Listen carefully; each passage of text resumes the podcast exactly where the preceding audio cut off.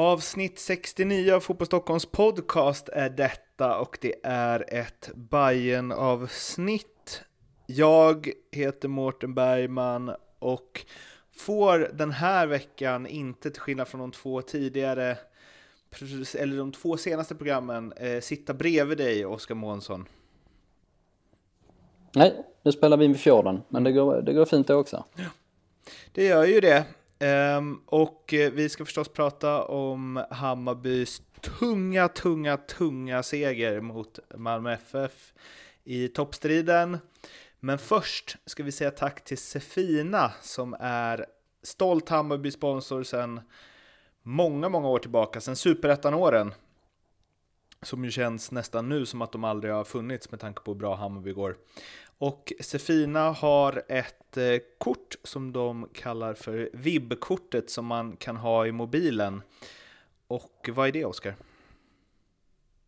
Det är först och främst eh, gratis. Eh, det är ett kort för de som håller på Bajen. Eh, och om man skaffar det här kortet, vilket man gör genom att gå in på vib.sefina.se och följer några enkla instruktioner där, så har man eh, möjlighet att vinna olika saker som är kopplade till Hammarby i de flesta fallen. Men det finns också lite annat eh, smått och gott.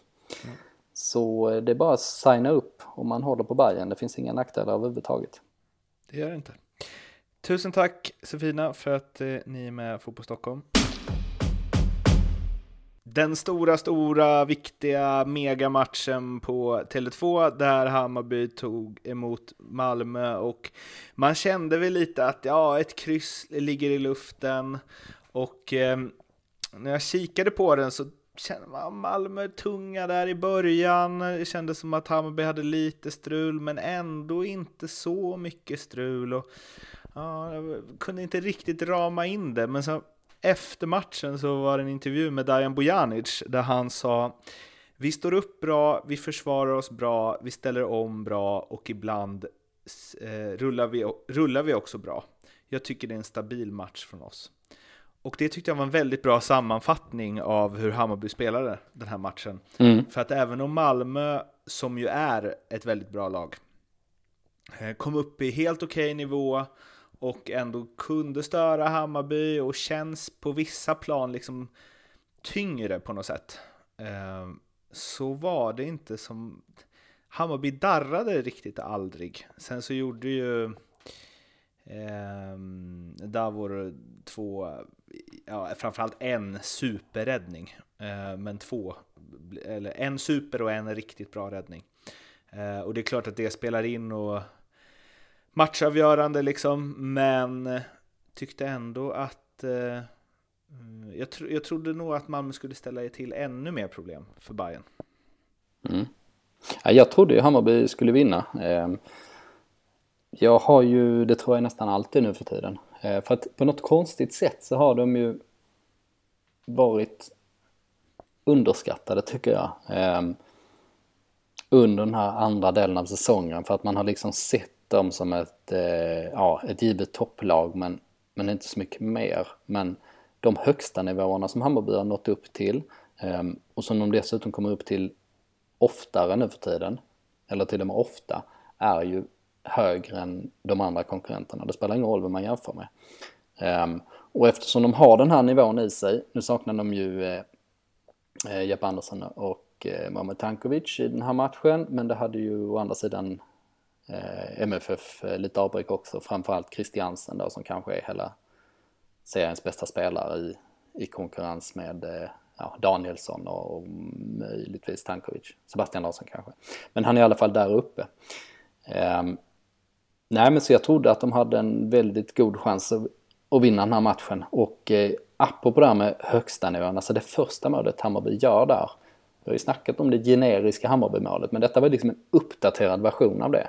Och ja, mm. om man tar liksom varje enskild eh, sekvens där, att, det, liksom, att de klaffar i varandra på ett sånt sätt eh, är ju någonting som man inte ser i allsvenskan. Det är ju någonting som som är så tydligt när man tittar på eh, storligor och storlag till exempel. Att man ser den typen av mål ganska ofta. Det är liksom, förutom det så uppenbara med tempot så är det en sån skillnad tycker jag när man tittar på en, en toppliga, allsvenskan. Mm. Att den liksom skicklighetsnivån i flera moment hänger ihop. Den, ja, den är ovanlig i allsvenskan. Kan, liksom, finns inte så många mål av den karaktären. Ja jävlar vilket mål det är alltså. Mm. För det, den grejen som händer där i att det klaffar in och att det är så rent och att varje touch är perfekt. Jag tänker lite på när MFF ställdes mot de här, alltså mot Real och PSG och så i, i Champions League.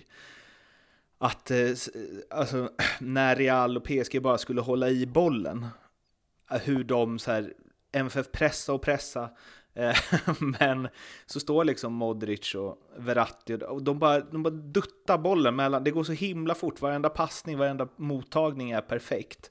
Och det de också gör sen, vilket de inte behövde göra så himla ofta mot allsvenskt motstånd, är ju att de gör ju det även i avgörande situationer högt upp i banan sen. I, för att liksom dutta runt i mm, kvadrat kan man ju se i allsvenskan också. Men det är väldigt sällan man, som du sa, som man ser ett allsvenskt lag göra det till ett mål? Eller så högt ja. upp i banan? Ja, och Billborn var ju inne på det i, jag tror det var intervjun efter, att, att det kräver ett stort mod att spela på det mm. sättet och det gör det ju verkligen. Um, för att om man ska ha, om man ska göra det, då måste man ju satsa allt på något sätt. Då måste mm. spelarna gå framåt tillsammans. Um, och om man då tappar bollen så tappar man den ofta i, i en uh, prekär ja, situation.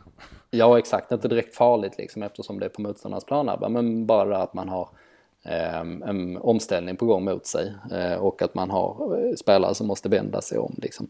Så man, det, det är liksom ingenting man måste vara redo för, för att testa det på något sätt när man väl gör det. För annars eh, kommer det misslyckas flera gånger än det, än det lyckas på något sätt.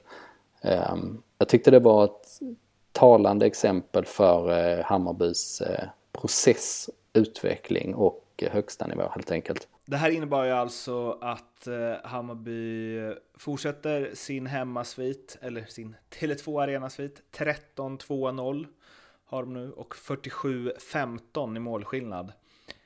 Ehm, vilket ju ser bra ut inför sista matchen mot Häcken förstås. Man ska eh, väldigt mycket till för att det inte ska bli en seger. Eh, och sen så har de ju Östersund borta innan dess som ju i princip har räddat Nils Kontakt. De behöver en pinne till för att undvika kval.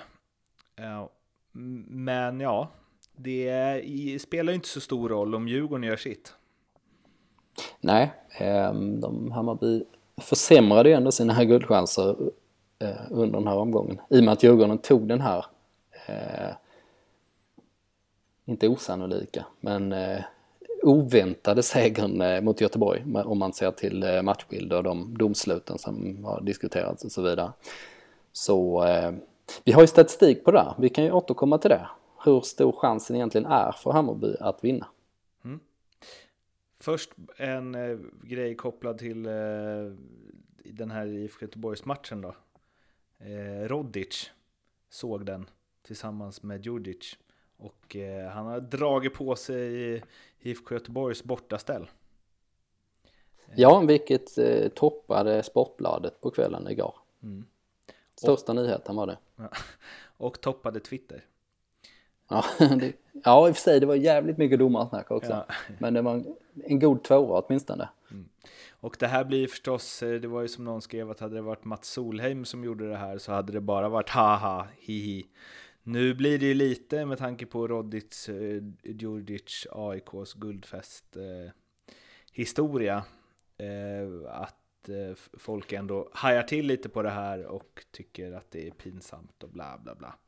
Eh, vad tycker eh, du?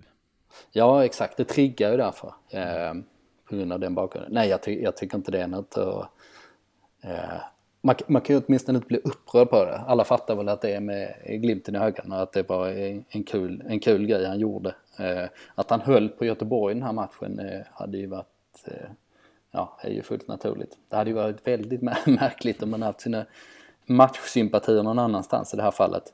Eh, så eh, nej, jag tyckte det var lite roligt. Eh, lite distans skadar väl aldrig i, i den här världen. Nej, det är ju inte så att den svämmar över av det. Nej, precis. Um, man, man, måste ändå skilja, alltså vad fan. Om man tar rivaliteten och uh, allt vad det innebär så är det ju liksom uh, motorn till väldigt mycket i Stockholm uh, och hela serien liksom. Man lever mycket på det här um, och det är klart att det kan bli känsligt i vissa olika fall och då blir det ju ett antal gånger per säsong med olika historier och, och saker som händer och så vidare. Men man måste ju skilja på, på vad som är eh, liksom eh, betyder någonting och vad som är på allvar och vad som är eh, något helt annat. Detta är Rodic som tar på sig en eh, Göteborgströja för, för skojs skull. Eh, däremot om man ska lägga till lite osmart ändå, om man tar liksom i själva det här mimkriget och allt vad det är liksom på sociala medier. Oskar. Mimkriget. Ja. oj, oj, vi är för gamla för det här. Fortsätt, mimkriget på sociala medier. Ja. det, det är ja. inget som jag tror Vladimir Rodic följer, eller? Nej, jag vet inte och sig. Han är ju rätt aktiv som ja, medier själv. Ja. Nej, men jag ser ju framför mig att det här, eh, nu laddas det upp inför nästa match när eh, Hammarby och Göteborg ska mötas och då kommer det skojas om det. Ja. Den dagen Vladimir Rodic gör självmål mot IFK Göteborg så kommer Twitter gå ner på grund av ja, exakt. som kommer ske där.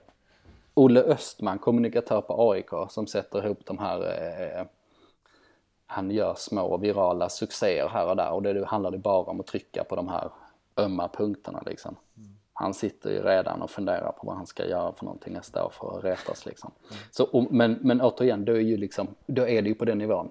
Just att man håller på att retas med varandra liksom, mm. och det är ju fine. Eh, men om man vill vinna retkriget och mm. mimkriget så var det ju eh, osmart. Men jag tycker, äh, bara 100% kul. Mer ja. sånt. Guldchanserna sa vi att vi skulle komma in på, så vi kommer väl in på dem då. Eh, det finns ju en eh, sajt som heter 538 som räknar ut procenten på att olika lag ska vinna. En mm. statistikdatabas, antar jag.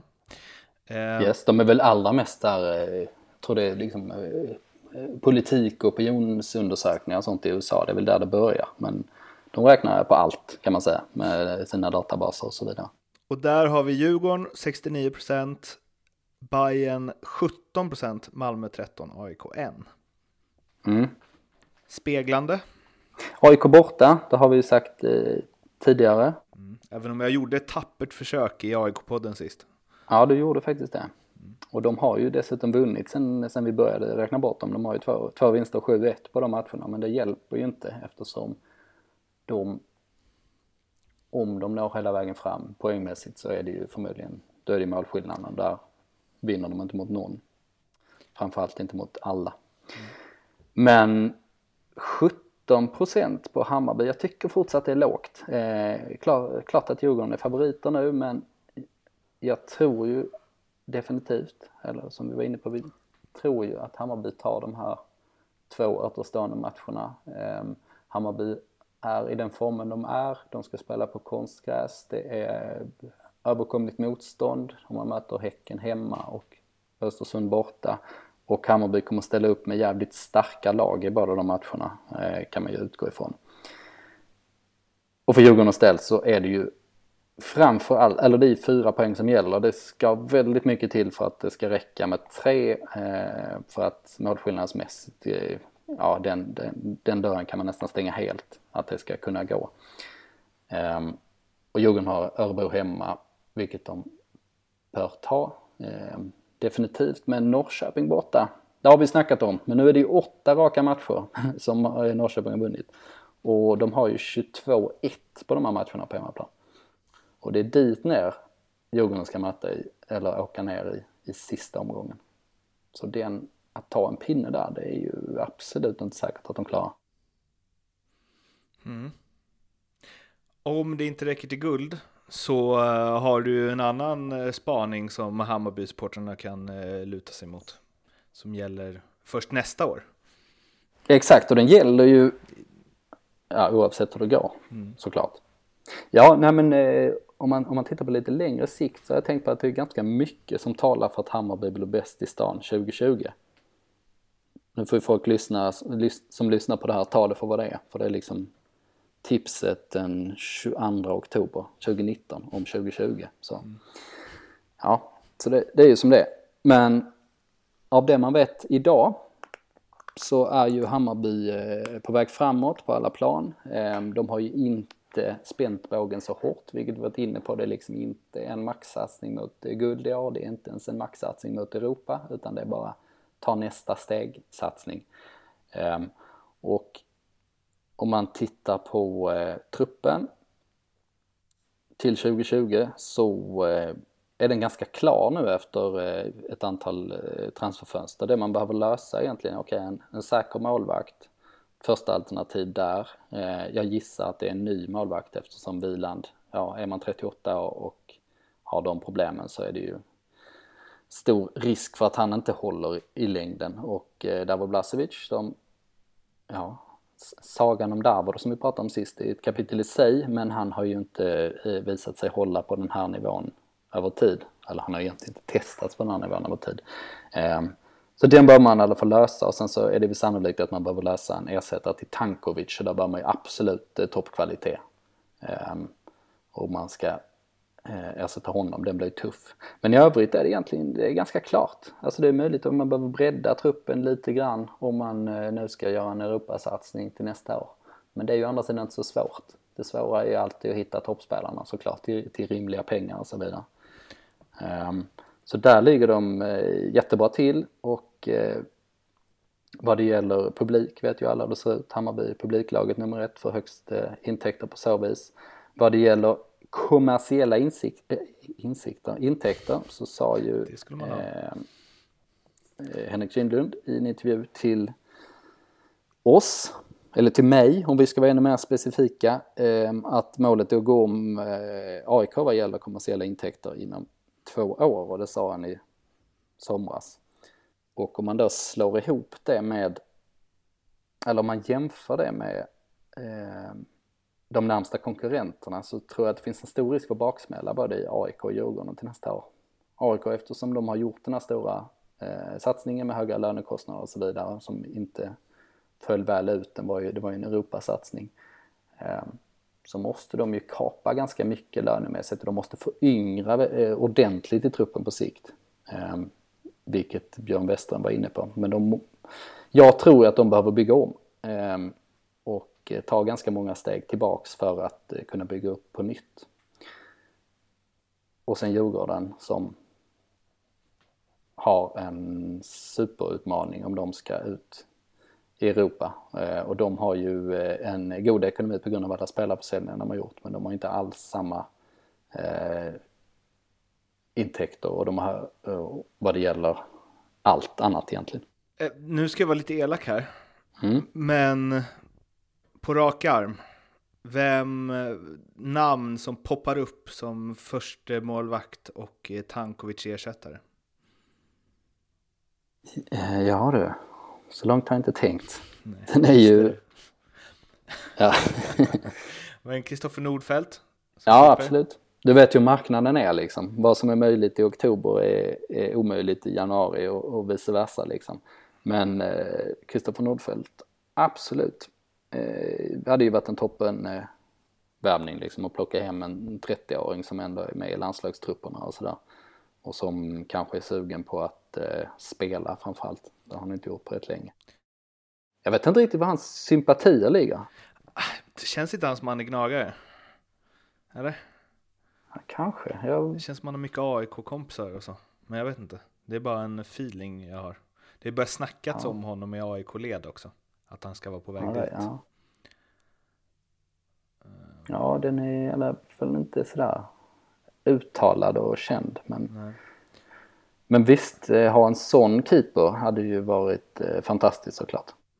Tankovic-grejen är ju lite klurigare att man, när man ska värva liksom en poängkung i allsvenskan. Den är ju väldigt svår. Och det kan, det kan ju bli så också om man, eh, om man nu bara spekulerar fritt. Liksom. Då kan det bli, om Kasaniklic kanske inte säljs till eh, vintern eftersom han har presterat under så kort nivå och han skulle starta om. Men å andra sidan, så som han spelat nu då man håller samma nivå under en vårsäsong, ja men då kanske det är eh, försäljning på honom. Att han, han ska ta det där steget ut igen eh, till sommaren. Eh, och då har man ju lite nöt, nötter att lösa där såklart. Mm. Knäcka. Uh, men ja, uh, ja nej, det finns, ju, det finns ju heller ingen i allsvenskan riktigt. Som hade kunnat ta det. Den positionen.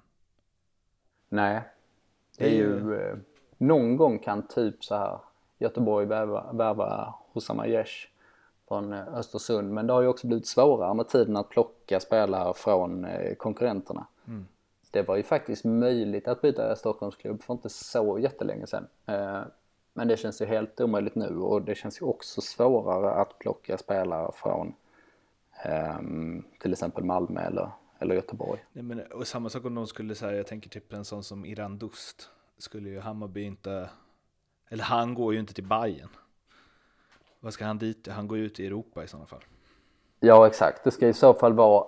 Eh, nej, jag, gjorde en intervju med, med Jesper Jansson för ett tag sedan. Då snackade han om att, att, att de värvade de här hack i skivan-spelarna. Att det hade hänt någonting där karriären går till stå liksom. Och då har det varit som med Kasan Iklic och Tankovic och Djurdjic och Aron Johansson och sådär. Att eh, de har siktat in sig på spelare som har en dokumenterat hög kvalitet men som har en rätt lång väg till att komma tillbaks dit.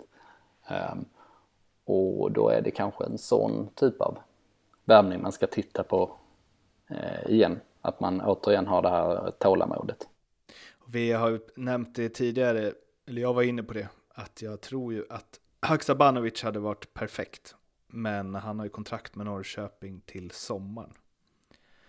Eh, ett sånt lånekontrakt. Precis, och det är lite, jag, jag tror han är rätt sugen på att ta steget ut också. Dessutom är ju liksom för honom, alltså han spelar ju ändå i en eh, toppklubb. Nu är ju inte Norrköping riktigt med i, i guldfighten eh, i slutändan, men eh, ja, han spelar ändå där. Det är lite samma med Irandusta, men det är klart liksom om Irandust som är ju ändå varit lite ut och in och inte levererat alltid. Det går ju mycket upp och ner där liksom så. Det skulle väl, det skulle vara om det händer någonting där så skulle eh, kanske det kunna bli något. Men det är ju ett uh, rätt tydligt långskott får man ju säga. Verkligen. Uh, har ni fler långskott så peppra med dem på sociala medier. Så kanske det kommer något bra namn på en Tankovic-ersättare där. Vi ska runda av, om inte du har något S i rockärmen. Nej, jag har spelat ut allihopa. Ja, kul. Då hörs vi igen efter att Hammarby har mött Östersund. Tills dess finns vi som sagt på sociala medier och mejl och så vidare. Memeskriget där vi går i fronten. eh, tills nästa gång, må bra. Hej då! Hej!